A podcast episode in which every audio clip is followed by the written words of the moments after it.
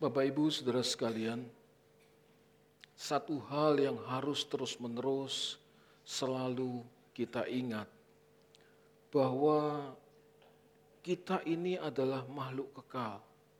Saya ulangi, satu hal yang harus terus-menerus saudara dan saya ingat adalah ekonya dikurunin. Ekonya diturunin. Kita ini makhluk kekal. Akhir hidup kita bukan ada di kuburan. Karena kuburan di dunia ini hanyalah untuk mengubur jasad kita. Tetapi roh dan jiwa kita kekal. Roh dan jiwa kita kekal. Ekonya tolong diturunin Pak. Ya. Roh dan jiwa kita kekal. Jadi sejak semula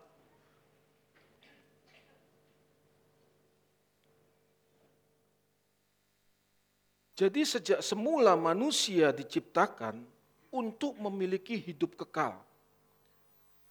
Kalaupun manusia harus alami kematian, hal itu adalah dosa akibat dosa Adam. Ketika Adam jatuh dalam dosa, maka tubuh manusia harus alami kematian, tetapi roh dan jiwanya tetap kekal. Kita harus mengerti ini, saudaraku. Jadi akibat, jadi awal manusia diciptakan oleh Tuhan adalah memperoleh hidup kekal. Tidak bisa mati. Bahkan tubuhnya tidak bisa mati. Tetapi akibat dosa yang telah dilakukan oleh Adam, maka manusia harus mengalami kematian. Tetapi kematiannya adalah tubuhnya saja. Roh dan jiwanya tetap kekal. Nah, Seringkali kematian itu di kematian itu dianggap sebagai sebuah hukuman dari Tuhan. Tetapi kalau kita mau mempelajari hakikat Tuhan, maka kematian itu juga bagian dari solusi dan kemurahan Tuhan terhadap pelanggaran yang sudah dilakukan oleh manusia. Mungkin saudara bertanya kepada saya, bagaimana Pak kematian kok dianggap solusi? Kok kematian itu adalah bagian dari kemurahan Tuhan? Dengar baik. Ketika Adam jatuh dalam dosa, Tuhan mengatakan bumi bumi terkutuk. Dan bumi yang sudah terkutuk dihuni oleh manusia yang jatuh dalam dosa, itu pasti akan membuat manusia yang hidup di dalamnya alami penderitaan. Makin lama dia hidup di dunia, makin makin menderita. Saudara, makin menderita. Mari kita lihat bersama. Tidak ada satu orang pun yang makin lama hidup di dunia makin tidak menderita, pasti menderita. Entah tubuhnya yang makin rentah dan sakit, betul? Ya. Kemudian belum lagi masalah-masalah yang terus-menerus datang bertubi-tubi dan tidak pernah selesai. Ya, dalam hidupnya Makanya manusia dibatasi usianya, dibatasi umurnya di muka bumi ini. Bahkan kalau hari-hari ini kan kita lihat di media sosial, Facebook, Instagram, ada face app. Face app. Ya, usia 20 sudah dibikin usia 80 gitu kan. Jadi bentuknya keriput mirip mukanya sama, tapi sudah kelihatan tua begitu minggu depan mati. Makanya ada status minggu depannya kok sudah hilang semua statusnya, sudah pada mati itu. Gitu kan. Tapi intinya saya cuma mau kasih tahu kepada saudara bahwa kematian itu solusi dari Tuhan. Kematian itu adalah bagian dari kemurahan Tuhan atas hidup kita. Meskipun kita sudah jatuh dalam dosa. Bayangkan kalau manusia harus hidup 100 tahun. Betapa menderitanya. Apalagi kalau hidup kekal. Jadi sejak manusia jatuh dalam dosa, manusia harus alami yang namanya kematian fisiknya, tubuhnya. Tetapi, tetapi roh dan jiwanya kekal. Keadaan semakin lama manusia hidup membuat manusia makin menderita. Nah keadaan ini dialami oleh semua orang. Baik itu orang yang baik maupun orang yang jahat. Baik orang yang benar maupun orang yang tidak benar. Makanya di dalam 2 Timotius pasal yang ketiga, ayat yang pertama dikatakan bahwa pada hari-hari terakhir akan datang masa yang sukar, saudaraku. 2 Timotius 3 ayat pertama sampai kedua. Ketahuilah bahwa pada hari-hari terakhir akan datang masa yang sukar dan seterusnya ayat pertama saja. Masa sukar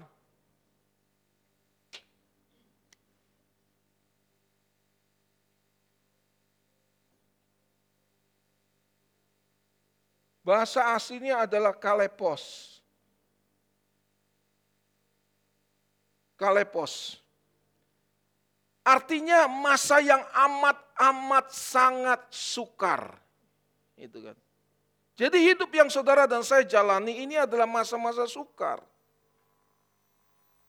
Dan suasana hidup seperti ini bukanlah suasana hidup yang sudah dirancang oleh Tuhan. Tapi suasana hidup ini adalah akibat dosa manusia dan manusia harus menanggungnya.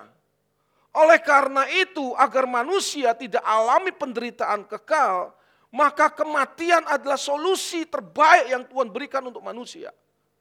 Saudara harus mengerti hal itu lebih dahulu. Jadi intinya begini Bapak Ibu, manusia harus di shutdown.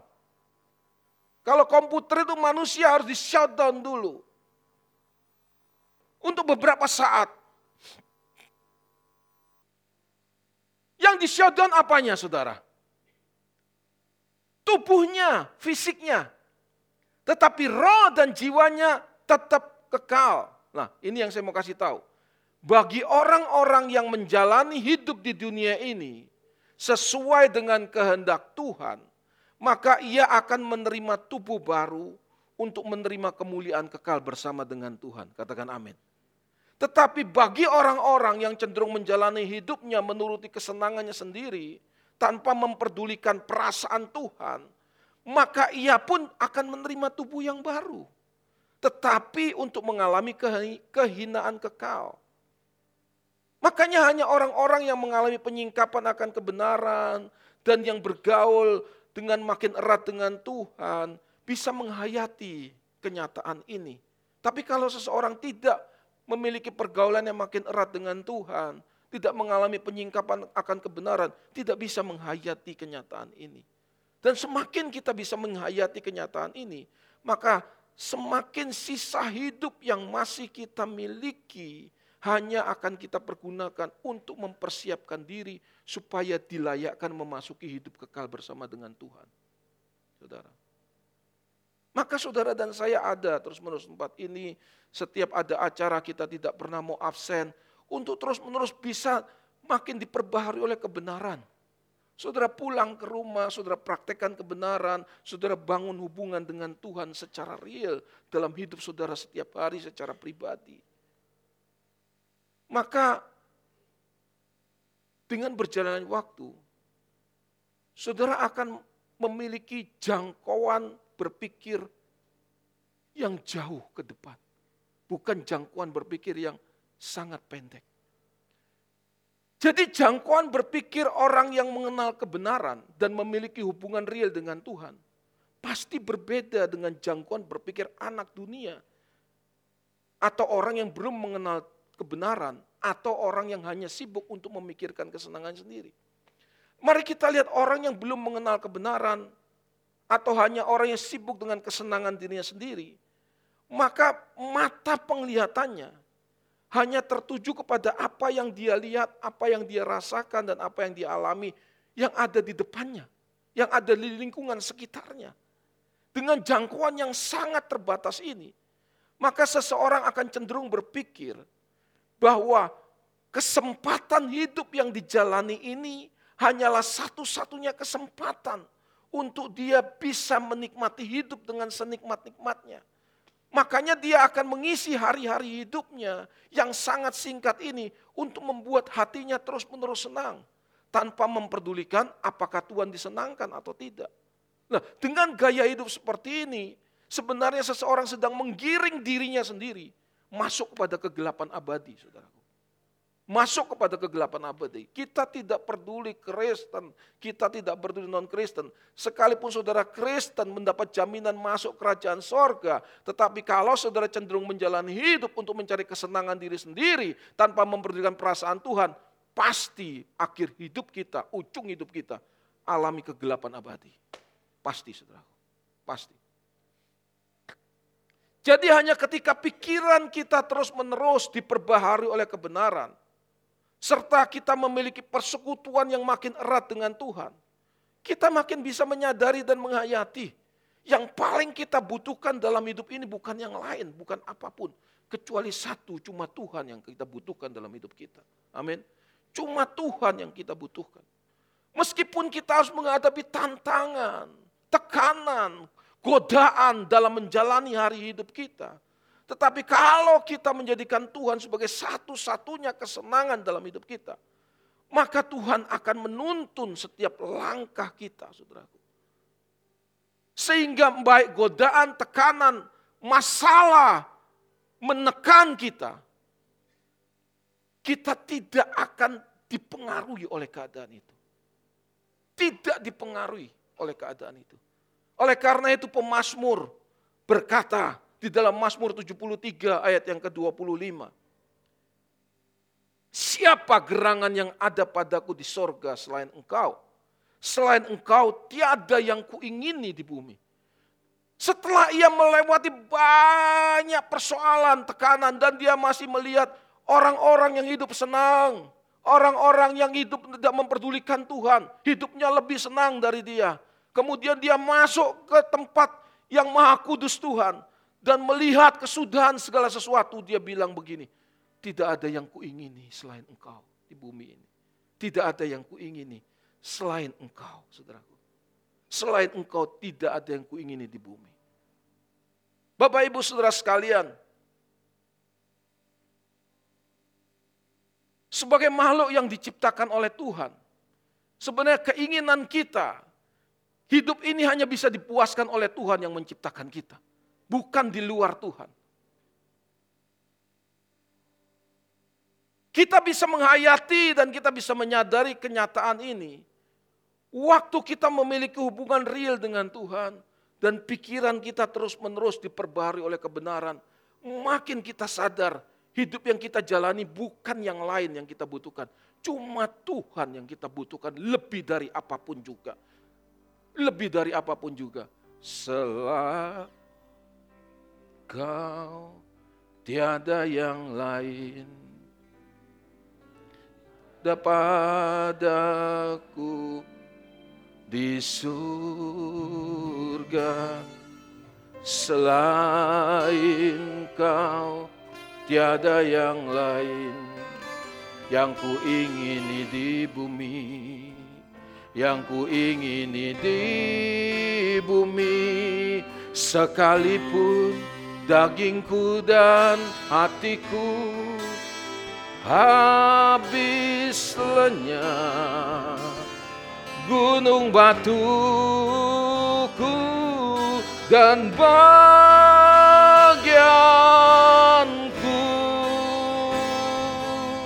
Tetaplah Bapa selama-lamanya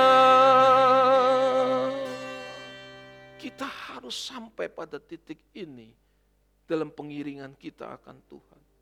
Tetapi dengar baik, untuk sampai pada titik ini atau level ini, itu tidak mudah. Karena kita harus mengubah cita rasa jiwa kita.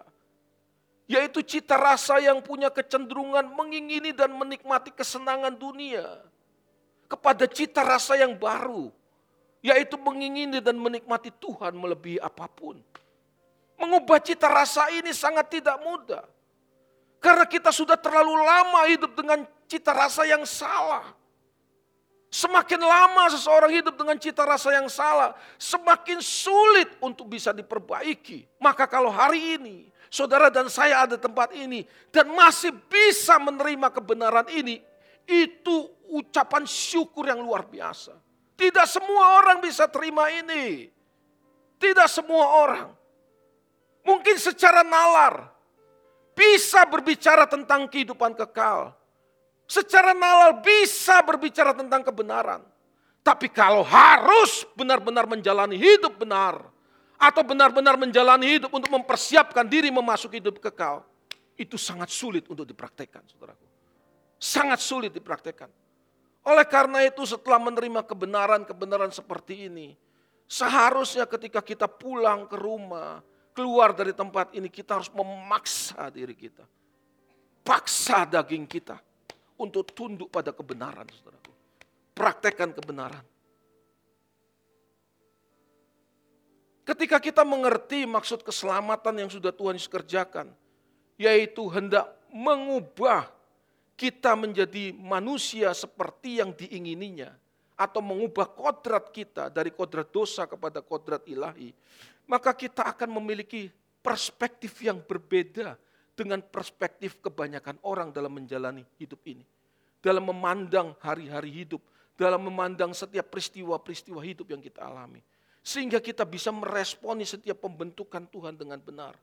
Kalau orang dunia atau orang Kristen duniawi memandang ikut Tuhan harus makin kaya, makin diberkati.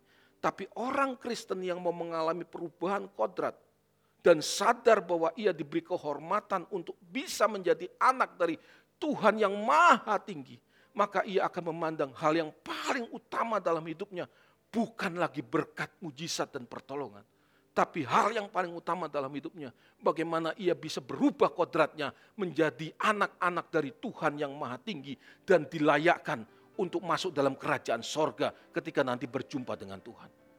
Itu yang diperjuangkan. Makanya ada kata-kata like father, like son. Seperti bapak, begitu juga anak. Jadi anak nggak mungkin lari dari model bapaknya, saudaraku. Nah saudara sekarang lihat hidup saudara kalau sudah jadi bapak. Bagaimana mungkin bisa mengharapkan anak kita jadi baik kalau kita jadi bapak dia baik, saudaraku.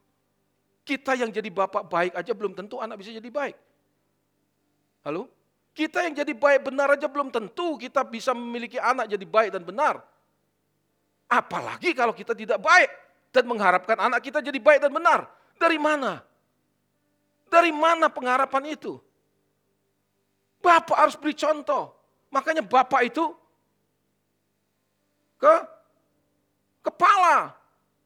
Kepala. Ekor itu ikut kepalanya. Ekor ikut kepalanya. Bukan kepala ikut ekornya. Jadi kita harus menyadari bahwa kita ini dipanggil untuk merubah kodrat. Supaya kita benar-benar dilayakkan dilayakkan menjadi anak-anak dari Tuhan yang maha tinggi. Inilah tugas utama orang percaya, saudaraku, bukan yang lain. Jadi sesulit dan sesenang apa pun keadaan yang hari-hari ini kita alami, tidak boleh membatasi kita untuk tetap menyadari dan menghayati bahwa kita makhluk kekal di mana pada waktu tubuh kita mati, kita akan memasuki hidup kekal. Dan hidup kekal yang akan kita masuki sangat ditentukan bagaimana kita mengenakan tubuh kita dengan baik dan benar seperti yang Tuhan inginkan. Saudara masih bersama saya? Iya. Jadi kita ini bukan memiliki tubuh yang ada di bumi ini saja. Tetapi nanti di langit baru, bumi baru kita punya tubuh yang baru. Karena Tuhan Yesus sendiri berkata, kamu akan makan dan minum bersama dengan makan dan minum bersama dengan aku. Makan dan minum bersama dengan Tuhan, saudaraku. Makan minum bersama dengan Tuhan mau pakai apa kalau nggak ada tubuh baru, saudara? Hah? Betul? Setan mana bisa makan minum? Nggak bisa, saudaraku. Jadi saudaraku yang kasih dalam Tuhan, kita pasti akan menerima tubuh baru. Masalahnya tubuh baru itu untuk menikmati kemuliaan kekal bersama dengan Tuhan atau untuk mengalami kehinaan kekal pada akhirnya. Memiliki pola pikir seperti ini bukan membuat kita berpikir fatalistis Bapak Ibu. Justru inilah yang realistis dan logis. Hanya orang-orang duniawi yang menganggap pola pikir seperti ini adalah pola pikir yang reali, yang fantasi, saudaraku. Ini pikiran yang realistis. Makanya orang yang duniawi kalau dengar kebenaran seperti ini pasti rasa berat. Lebih enak dengar yang ringan-ringan, jodohku, jodohmu, begitu-begitu saudara. Nah saya mau tanya sama saudara, saudara dengar jodohku, jodohmu, ada implikasi hidup apa tidak dalam hidup saudara? Ada perubahan hidup tidak? Ada yang bisa membuat saudara makin sungguh-sungguh dengan Tuhan atau tidak? Hah? Ada enggak saudaraku? Enggak ada. Makanya suka yang ringan-ringan. Kalau yang begini berat-berat. Loh, siapa yang suruh saudara datang sini? Hah? Saya mau tanya sama saudara. Siapa yang suruh? Iya kan? Kalau enggak tahan, di sini juga tidak masalah. Tapi kalau saudara datang ke sini, saudara warnanya jelas seperti ini. Warnanya jelas seperti ini, enggak ada yang lain. Jangan pernah harap saudara dengar di balik mimbar ini. Apa masalahmu? Angkat tanganmu. Tuhan akan tolong engkau tepat pada waktunya. Masalah keuangan, angkat dompetmu. Udah enggak saudaraku, sudah enggak percaya deh gitu-gitu. Gitu kan. Yang kita mau perbaiki itu kualitas karakter kita. Oleh karena itu kita perlu mendengar kebenaran yang memberi implikasi untuk mengubah hidup kita. Jadi saudara yang kekasih dalam Tuhan saya mau katakan, meskipun kebenaran seperti ini sulit diterima, bahkan cenderung dianggap sesat, tapi dengar baik, hanya kebenaran-kebenaran seperti ini yang memiliki implikasi yang sangat kuat untuk mengubah hidup kita yang sudah lama tersesat.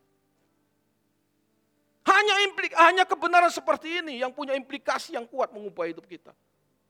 Kalau saudara tidak pernah terima kebenaran-kebenaran seperti ini, tidak mungkin bisa berubah.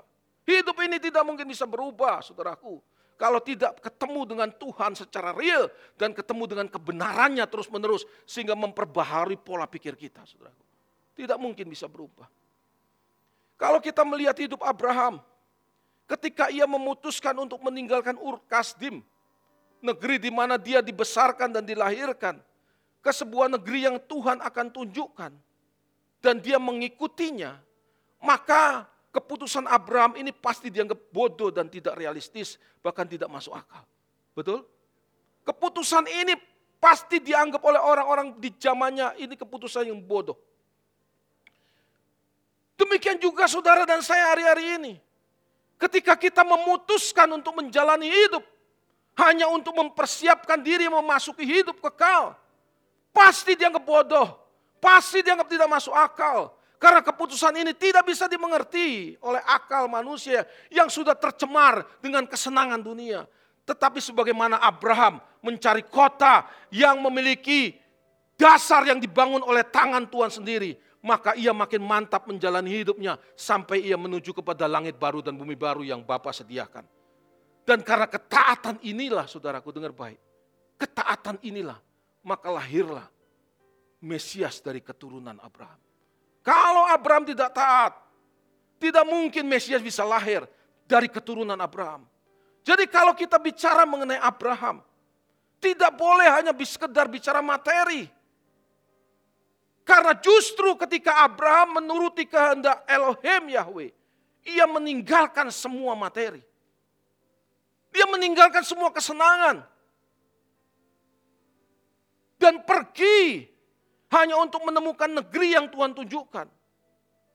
Jadi kalau dikatakan bahwa karena Abraham maka semua bangsa diberkati, tidak boleh dihubungkan dengan materi. Sebagaimana minggu lalu yang saya katakan. Sebenarnya yang dikatakan karena Abraham semua bangsa diberkati, itu artinya dari keturunan Abraham. Halo? Keturunan Abraham, maka lahirlah dari Mesias itulah maka semua bangsa diberkati. Karena apa? Semua bangsa memperoleh kesempatan untuk diselamatkan. Dengar baik Bapak Ibu, sebanyak apa pun berkat materi yang kita bisa raih, tidak sebanding dengan berkat keselamatan yang diberikan kepada kita. Berkat materi akan kita tinggal untuk selama-lamanya, tapi berkat keselamatan akan kita nikmati untuk selama-lamanya. Amin. Berkat keselamatan akan kita nikmati untuk selama-lamanya. Penghayatan seperti ini hanya bisa terjadi waktu kita makin menghayati bahwa kita makhluk kekal yang akan menerima kemuliaan kekal jika meresponi keselamatan yang Tuhan Yesus sudah tawarkan yaitu dengan menjalani hidup sesuai dengan kehendaknya. Semakin kita bisa menghayati bahwa kita adalah makhluk kekal. Dan Tuhan menyediakan rumah bagi orang-orang yang menjalani hidup sesuai dengan kehendaknya. Maka semakin tidak ada yang kita nanti di dunia ini. Selain kita pulang ke rumah Bapa di sorga. Amin. Nah kita ngomong begini ini sepertinya begini. Oh mengajak bunuh diri. Siapa yang ngajak saudara bunuh diri? Hah? Kita mau hidup sehat. Supaya kita bisa supaya kita bisa efektif untuk Tuhan. Iya kan? Tapi di tengah kita berjuang efektif, hidup benar, membawa orang lain juga hidup benar seperti kita. Kita punya kerinduan yang makin dalam untuk berjumpa dengan Tuhan. Orang yang punya kerinduan yang makin dalam ketika dia ada di ujung maut, dia tidak takut mati. Dia tidak takut mati karena itu yang paling dia nanti-nantikan. Selama sisa hidup di mana dia berjuang untuk menyenangkan hati Tuhan junjungannya. Amin. Tapi kalau dia tidak pernah menjalani hidup untuk menyenangkan hati Tuhan junjungannya, maka pasti takut mati. Takut mati, saudaraku. Maka kalau pesawat sudah goyang-goyang gini, aduh, bahasa rohnya kenceng, saudara. Bahasa rohnya kenceng. Dia akan ngomong, Tuhan, aku janji deh kalau selamat ini Tuhan, aku ingin mengabdi engkau sungguh-sungguh. Tapi saudara, begitu landing, lupa dia. Lupa dia pernah doa begitu, saudaraku. Ya kan? Jadi orang yang serius dengan Tuhan, dia sadar hidupnya adalah hidup kekal. Dia mempersiapkan hidup dengan baik untuk memasuki hidup kekal bersama dengan Tuhan. Maka dengan berjalan waktu yang dia lakukan cuma satu. Tidak ada yang dia nanti selain dia bisa pulang ke rumah Bapa di sorga, saudaraku. Tiada yang ku nanti lagi. Apa pun di bumi ini, rindu hatiku pulang di sisa hari-hariku berbuah-buah bagimu. Tanda cinta dan kerinduanku. Tiada yang ku nanti.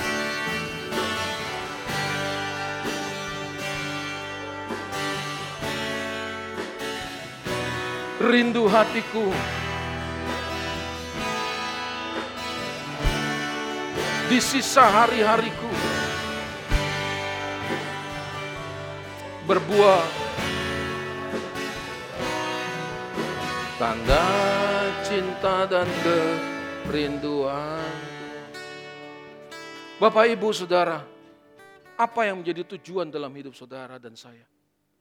Semakin kita punya tujuan yang paling utama dalam hidup ini, maka seluruh hidup kita akan disita dengan tujuan kita. Amin.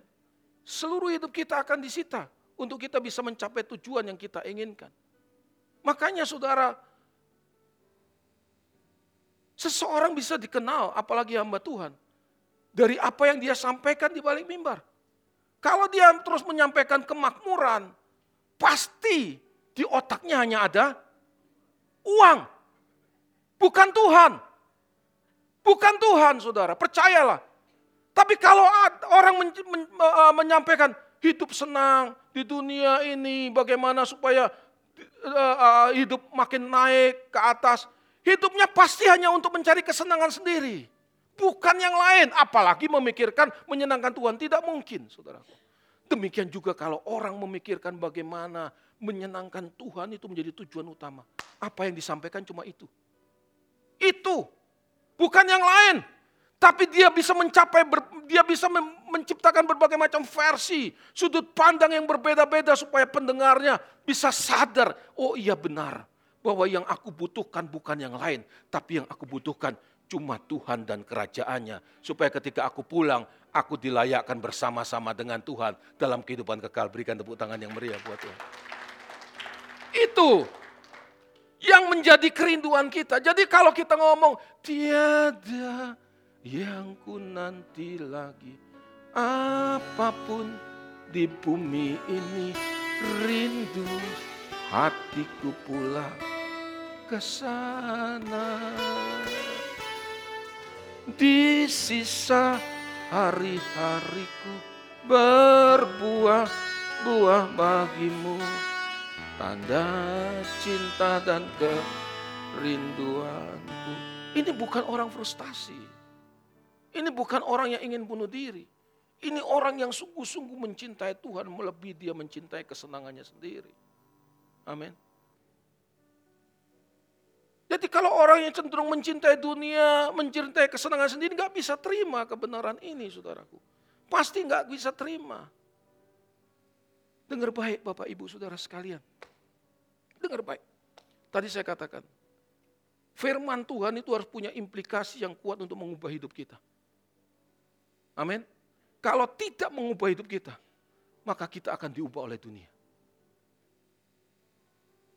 Saudara tahu hari-hari ini gereja terbesar di Australia, pemimpin pujiannya tidak percaya Tuhan. Pendeta-pendeta mundur tidak percaya Tuhan. Jawabannya sederhana. Sebenarnya cuma satu kuncinya. Karena tidak menemukan kebenaran.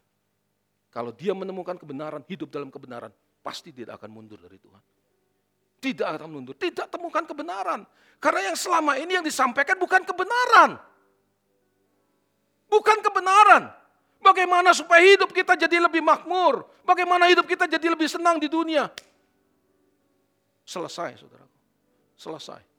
Yang kita butuhkan kebenaran. Yang kita butuhkan Tuhan. Bukan yang lain. Hari-hari ini Tuhan dibungkus dengan berbagai macam rasa. Seolah-olah Tuhan, tapi sebenarnya itu bukan rasa untuk Tuhan. Tapi rasa dunia ini, saudaraku. Jadi kalau hari-hari ini kita kelompok kecil bicara kebenaran seperti ini, pasti akan ditertawakan. Pasti akan dianggap ekstrim dan bodoh. Bahkan cenderung dianggap paling merasa benar sendiri, yang lain salah. Itu terus menerus akan diserang. Tapi dengar baik, begitu seseorang menutup mata, maka orang-orang yang menertawakan sangat sangat menyesal. Karena Alkitab berkata, seperti mimpi pada waktu tidur. Ketika bangun, wajah kita dipandang, wajah kita dipandang, rupa kita dipandang hina. Mazmur 73, saudaraku. Seperti mimpi, pada waktu bangun, rupa kita dipandang hina. Rupa siapa yang dipandang hina? Rupa orang-orang yang tidak pernah menunjukkan penghormatan kepada Tuhan. Jadi ekspresi yang paling dominan nanti di pengadilan Tuhan itu cuma satu, saudaraku. Banyak orang menyesal. Dan ketika seseorang menyesal di pengadilan Tuhan, tidak ada gunanya lagi. Karena tidak ada waktu untuk memperbaiki diri, saudaraku. Oleh karena itu sebelum kita masuk dalam arus besar penyesalan yang dialami oleh orang-orang yang tidak hidup dalam kebenaran. Sekarang saatnya kita tidak menunda untuk menyesali hidup yang sia-sia yang selama ini telah kita jalani. Jadi kita harus berjuang untuk mengisi sisa hari hidup kita. Untuk bisa kita dilayakkan masuk dalam kehidupan kekal bersama dengan Tuhan. Karena kita ini makhluk kekal. Amin. Kita makhluk kekal, saudaraku. Tubuh kita hanya tubuh yang mati, jasad. Tapi roh jiwa kita kekal. Jadi kita harus menyadari bahwa hidup yang kita jalani sudah terlalu banyak waktu yang sia-sia yang kita buang. Amin. Amin. Sudah terlalu banyak waktu yang sia-sia kita buang. Kini saatnya kita nggak mau buang waktu lagi. Waktu saya merenungkan perjalanan hidup saya. Sebentar lagi saya ambil setengah abad. Waduh saya bilang, aduh Tuhan, seandainya saya bisa merubah waktu, mundur ke belakang, saya tidak akan gunakan waktu sia-sia seperti sekarang. Seperti yang dulu-dulu saya jalani. Tapi apa boleh buat? Waktu tidak bisa diputar kembali Bapak Ibu. Waktu tidak bisa diputar kembali. Nasi sudah jadi bubur. Maka saya harus benar-benar pakai sebaik mungkin bubur itu untuk saya makan. Sudah tidak bisa jadi nasi lagi.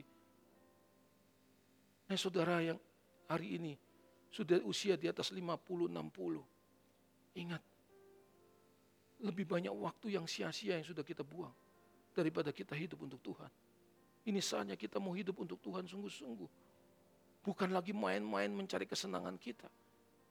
Makanya kebenaran-kebenaran seperti ini seolah-olah sebuah kebenaran yang arjen mendesak saudara. Seperti menekan saudara supaya saudara untuk berubah. Karena kita tidak tahu umur kita. Kita tidak pernah tahu usia kita kapan berakhir. Dan saudara harus tahu kita malu kekal. Suatu hari kita harus mempertanggungjawabkan hidup, seluruh hidup yang sudah kita jalani. di hadapan Tuhan. Telah banyak waktu yang tak ku hendak Bapa sekarang saatnya.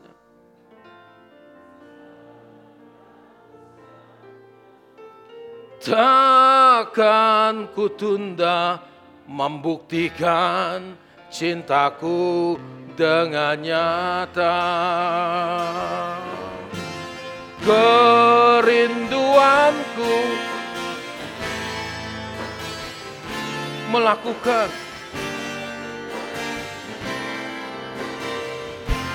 katakan segenap hidupku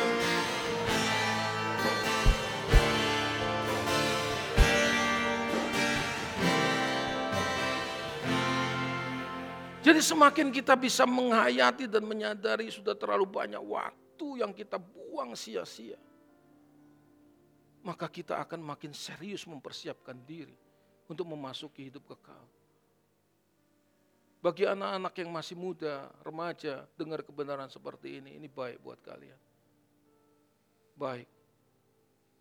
Supaya waktu hidupmu yang mungkin masih panjang, engkau pergunakan sebaik mungkin mempersiapkan bekal untuk memasuki hidup dalam kekekalan. Kita bisa mempersiapkan diri dengan baik untuk masuk hidup kekal. Hanya ketika kita meneladani teladan hidup Tuhan Yesus. Tidak mungkin kita bisa mempersiapkan diri masuk dalam kehidupan kekal kalau kita tidak meneladani teladan hidup Tuhan Yesus. Makanya saya terus gambarkan di sini. Teladan hidup Tuhan Yesus itu harus kita mulai dari di mana dia dilahirkan. Sampai ketika dia ada di Golgota. Salib. Paling ditakuti sekarang. Lihat salib tidak boleh ditakuti katanya. Ini takuti. Lihat salib, aduh. Sudah ada jinnya katanya. Aduh, kita doakan saja dia. Ya, ini salib. Saya pikir lebih enak pakai merah saja supaya makin takut. Makin takut. Nah, ini salib nih. Ini, ya. Nah, saudara dengar baik. Ini yang harus kita ikuti Bapak Ibu. Bagaimana Yesus menjalani hidupnya di muka bumi sampai dia di Golgota. Hidup dalam ketaatan yang sempurna kepada kehendak Bapa. Ketika dia memulai pelayanannya, dia berkata bahwa hidup yang dijalaninya hanya untuk melakukan dan menyelesaikan kehendak Bapa. Makananku adalah melakukan dan menyelesaikan kehendak Bapa. Nah ini yang dibuktikan dengan konsekuen oleh Tuhan Yesus. Nah kalau kita mengatakan kita pengikut, kita harus ikuti jejak hidupnya. Kalau sekarang Tuhan banyak orang percaya hanya ingin mengikuti jejak hidup Tuhan Yesus di sini. Setelah dia bangkit dari kematian dan naik ke sorga. Sebelum dia naik ke sorga dia katakan segala kuasa ada di tanganku. Segala kuasa baik di sorga dan di bumi. Ini yang dipikir kuasa itu yang dipergunakan oleh orang percaya. Padahal saudara kuasa itu adalah yang pertama adalah konteks ketika Tuhan mengatakan segala kuasa ada di tanganku. Itu yang pertama. Berbicara tentang jadikan semua bangsa murid Tuhan Yesus. Halo? Ketika Tuhan bicara segala kuasa itu tujuannya supaya apa? Kuasa diberikan supaya orang yang mendengar apa yang disampaikan, Injil yang disampaikan oleh murid-murid Tuhan Yesus bisa menjadi murid, maka diberi kuasa. Yang kedua, segala kuasa ada di tanganku itu setelah ia melewati, ia membuktikan ketaatannya kepada kehendak Bapa. Dia tidak mungkin bisa ngomong segala kuasa ada di tanganku kalau dia tidak melakukan kehendak Bapa, saudaraku. Dua, jadi konteksnya dua. Ketika murid-murid menginjil, anak tukang kayu yang adalah Tuhan, siapa yang mau percaya? Siapa yang mau percaya? Makanya ada tanda-tanda heran, mujizat. Tapi kan Pak sekarang di zaman sekarang, kita tetap butuh memberitakan Injil dengan tanda mujizat. Saya cuma mau kasih tahu, kalau di kota besar tidak butuh mujizat. Karena yang datang sebagian besar, sebagian besar orang Kristen. Betul? Betul enggak? Yang dibutuhkan bukan tanda mujizat. Karena sudah puluhan tahun dia ikut Tuhan. Tapi yang diperlukan adalah menyampaikan kebenaran supaya orang percaya praktek itu benar. Halo? Bukan mujizat. Praktek hidup benar. Bagaimana Pak kalau sakit? Cek kalau sakit. Perhatikan pola makan. Perhatikan pola hidup. Kalau sakit datang ke dokter. Tuhan bisa pakai dokter. Amin. Jadi kalau saudara sakit, saudara ambeien, sudah jangan bicara, aduh, gini ngejan-ngejan. Dipotong aja ambeiennya selesai. Karena terlalu banyak makan sambal, gitu loh. Ya? Jadi nggak usah. Didoain saudara. Wah pendeta ini nggak punya iman, terserah yuk. Di sini mau ajar hidup benar. Bukan hidup yang begitung-begitung. Bukan itu benginong-benginong saudaraku. Kita sudah nggak mau begitu-begitulah saudaraku. Ya kalau hidup bermasalah keuangan, cek bagaimana pola hidupmu. Terlalu banyak utang, besar pasak daripada tiang atau tidak. Jangan setelah utang minta Tuhan yang bayar. Coba dari mana pola pikirnya ini? Butuh mujizat. Mujizat itu diberikan pada waktu orang supaya bisa mengenal Tuhan. Yang semula dianggap anak tukang kayu, mereka sadar bahwa dia adalah Tuhan. Itu loh saudaraku. Jadi kalau KKR di kota besar bukan mujizat yang dibutuhkan. Praktek itu benar. Untuk bisa praktek itu benar, kebenaran yang harus disampaikan. Saya bisa mengerti kok. Kalau sampai hari ini ada orang yang resisten tidak bisa menerima kebenaran ini. Saya bisa mengerti. Saya bisa mengerti. Tapi ini yang kita mau pilih dalam menjalani hidup ini, saudaraku. Di sini kita mau mengajarkan kalau jadi pengikut Tuhan Yesus yang baik, seharusnya kita belajar kebenaran yang Tuhan Yesus ajarkan dan belajar praktekkan kebenaran. Itu yang kita mau, saudaraku. Karena dengan membangun pola hidup seperti ini, maka kita akan menjalani hidup sama seperti yang dijalani oleh Tuhan Yesus. Dan orang yang menjalani hidup sama seperti yang dijalani Tuhan Yesus, hidupnya akan dinikmati oleh Bapak. Halo? Hidupnya akan dinikmati oleh Bapak. Orang yang hidupnya dinikmati oleh Bapak pada akhirnya akan dilayakkan bersama-sama dengan Bapak di surga di keabadian. Pernahkah saudara merenung Bapak Ibu? Kalau saat ini kita ketemu Tuhan, pasti sebagian besar orang akan berkata, Tuhan aku ikut engkau sudah sejak muda Tuhan. Betul? Kalau hari ini Tuhan ada di sini, kemudian kita pasti bilang, Tuhan, aku ikut engkau sudah sejak muda. Dari dulu aku setia. Tapi Tuhan, pernahkah saudara merenungkan apa yang Tuhan akan katakan kepada orang-orang yang tidak setia tetapi merasa dia pengikut Tuhan. Tuhan akan katakan gini, aku tidak melihat engkau ikut aku. Engkau hanya beragama Kristen, tapi tidak ikut jejakku. Karena hidup yang kamu jalani hanyalah untuk memuaskan kesenangan-kesenanganmu. Cara pikirmu dan cara hidupmu sama seperti cara pikir dan cara hidup anak dunia. Yang hanya sibuk untuk memikirkan kesenangan sendiri. Materi menjadi Tuhanmu. Materi menjadi hal yang paling utama dalam hidupmu. Itu pasti Tuhan akan katakan seperti itu. Kepada orang Kristen yang duniawi, saudaraku. Pasti Tuhan akan katakan itu.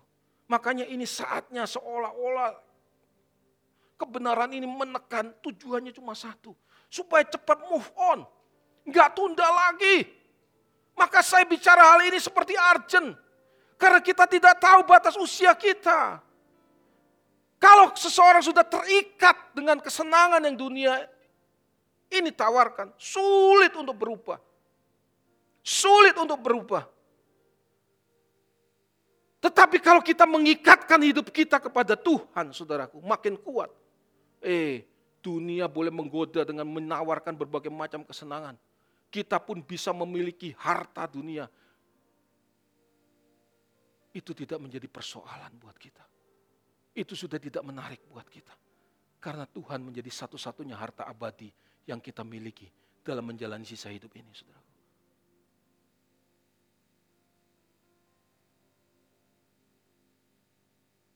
Makanya Tuhan berkata, barang siapa setia dalam harta Tuhan, setia dalam harta orang lain, ia akan setia menerima hartanya sendiri. Betul?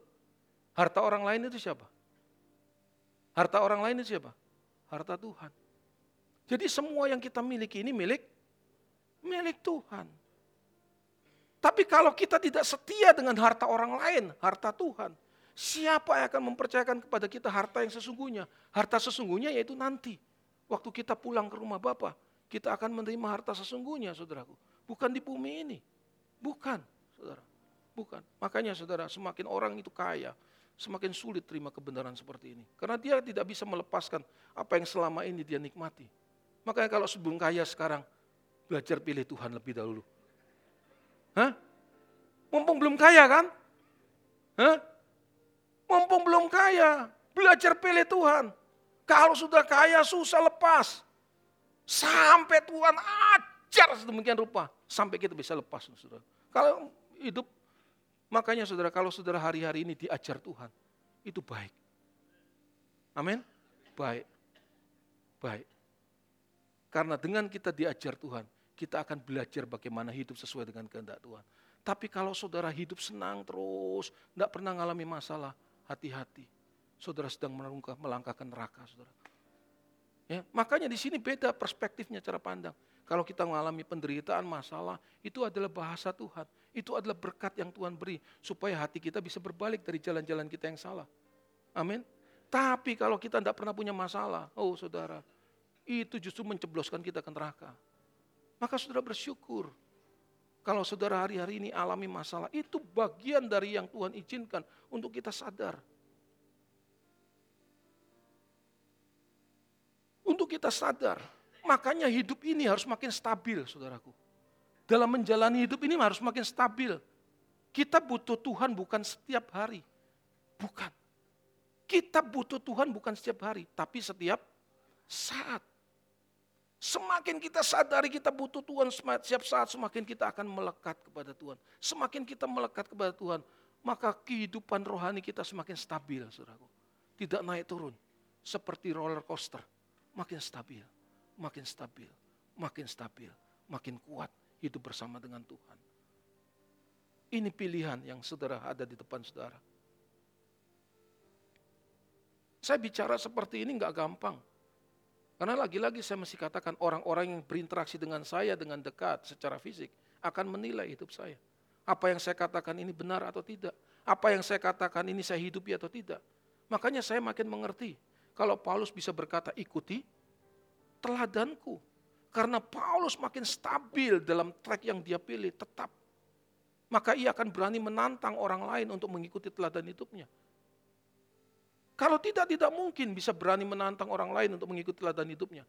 Jadi kalau hari-hari ini Bapak Ibu, siapa pun saudara, alami kesusahan apa pun bentuknya, jangan dianggap masalah itu terlalu besar. Karena kesusahan yang kita alami hanya singkat. Hanya singkat. Saya ulangi, kalau kita terus hidup senang, justru itu yang menggiring kita masuk ke dalam neraka, saudara. Dan yang kedua, penderitaan yang saudara dan saya alami tidak melampaui kekuatan. Kalau kita bertekad untuk hidup benar, pasti Tuhan akan beri jalan keluar kepada kita. Makanya kalau hari-hari ini saudara makin punya keinginan yang kuat untuk makin mengasihi Tuhan, menyenangkan Tuhan dalam keadaan apa pun. Waduh, kita pasti dibentuk oleh Tuhan secara luar biasa. Sampai kita bisa mengecap dan menikmati Tuhan lebih daripada apa pun juga, saudaraku. Kalau tidak, tidak mungkin.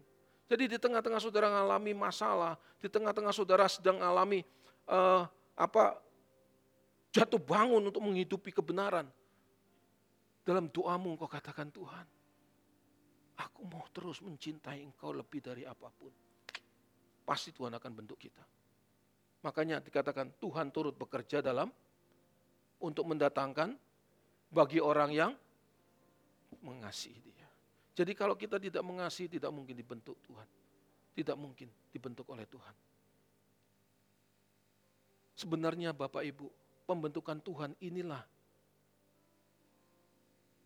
jalan yang Tuhan sediakan untuk kita masuk hidup kekal bersama dengan Tuhan. Amin. Pembentukan Tuhan inilah adalah jalan yang Tuhan sediakan untuk kita bisa memasuki hidup kekal bersama Tuhan. Jadi begini, kalau Tuhan Yesus dilukai, maka kita pun akan dilukai. Kalau Tuhan Yesus alami godaan, cobaan, keindahan dunia, kesombongan, kita pasti mengalaminya. peristiwa-peristiwa ini adalah kesempatan yang Tuhan berikan untuk kita belajar menyenangkan Tuhan. Menyenangkan Tuhan kita pasti akan diperhadapkan mencari kesenangan diri sendiri atau mencari kesenangan Tuhan. Amin.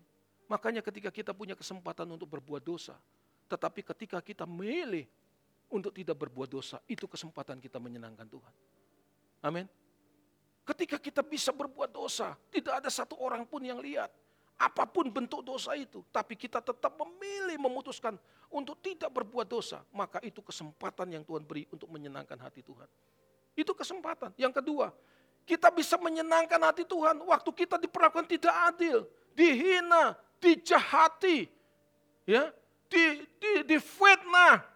Kita tetap memilih untuk mengampuni, mendoakan orang itu, supaya orang itu juga bisa sadar kita naikkan nama orang itu dengan setulus-tulusnya di hadapan Tuhan. Wah itu kesempatan menyenangkan Tuhan. Amin. Jangan kita doa Tuhan, saya sudah setengah mati dengan si A ini. Kapan dia mati Tuhan? Nah sering kali kan gitu kan. Kapan dia ketabrak mobil Tuhan? Sudah terlalu lama. Itu tidak menyenangkan Tuhan. Saya mau tanya sama saudara, pernah saudara sebut nama orang-orang yang menyakitimu? Waktu engkau berdoa di hadapan Tuhan. Coba. Itu kesempatan untuk menyenangkan Tuhan. Kita sebut namanya dengan setulus-tulusnya. Aduh saudara.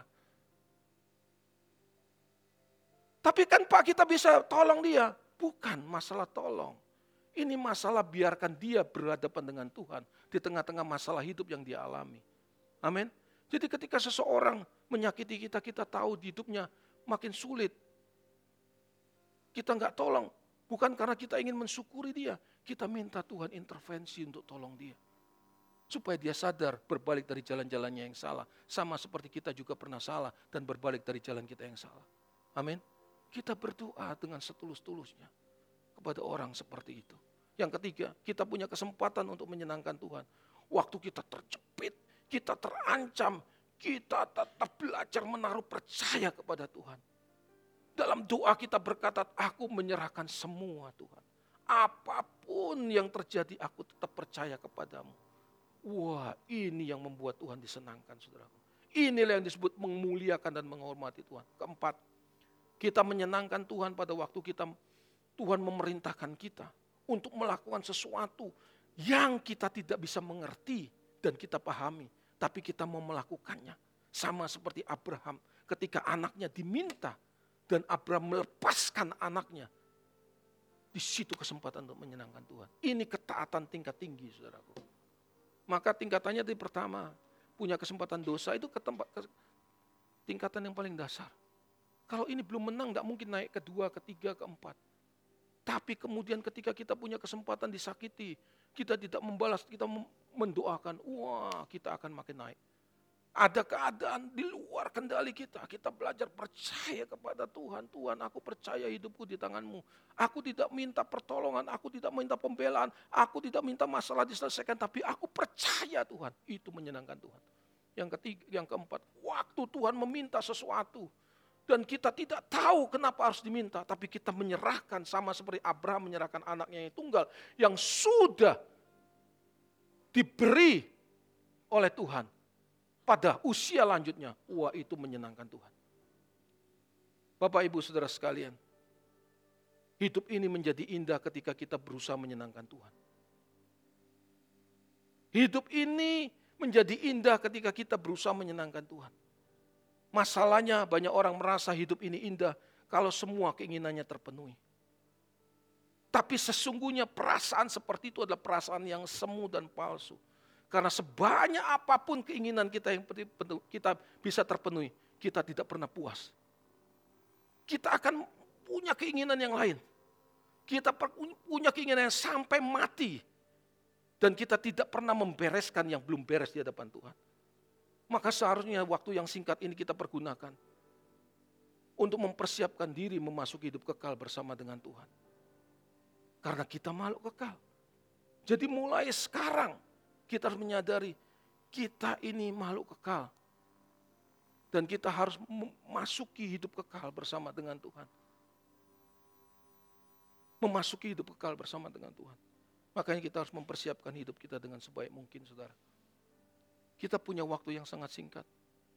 Bapak, Ibu, saudara sekalian, siapa pun kau yang ada di tempat ini, ingat baik-baik.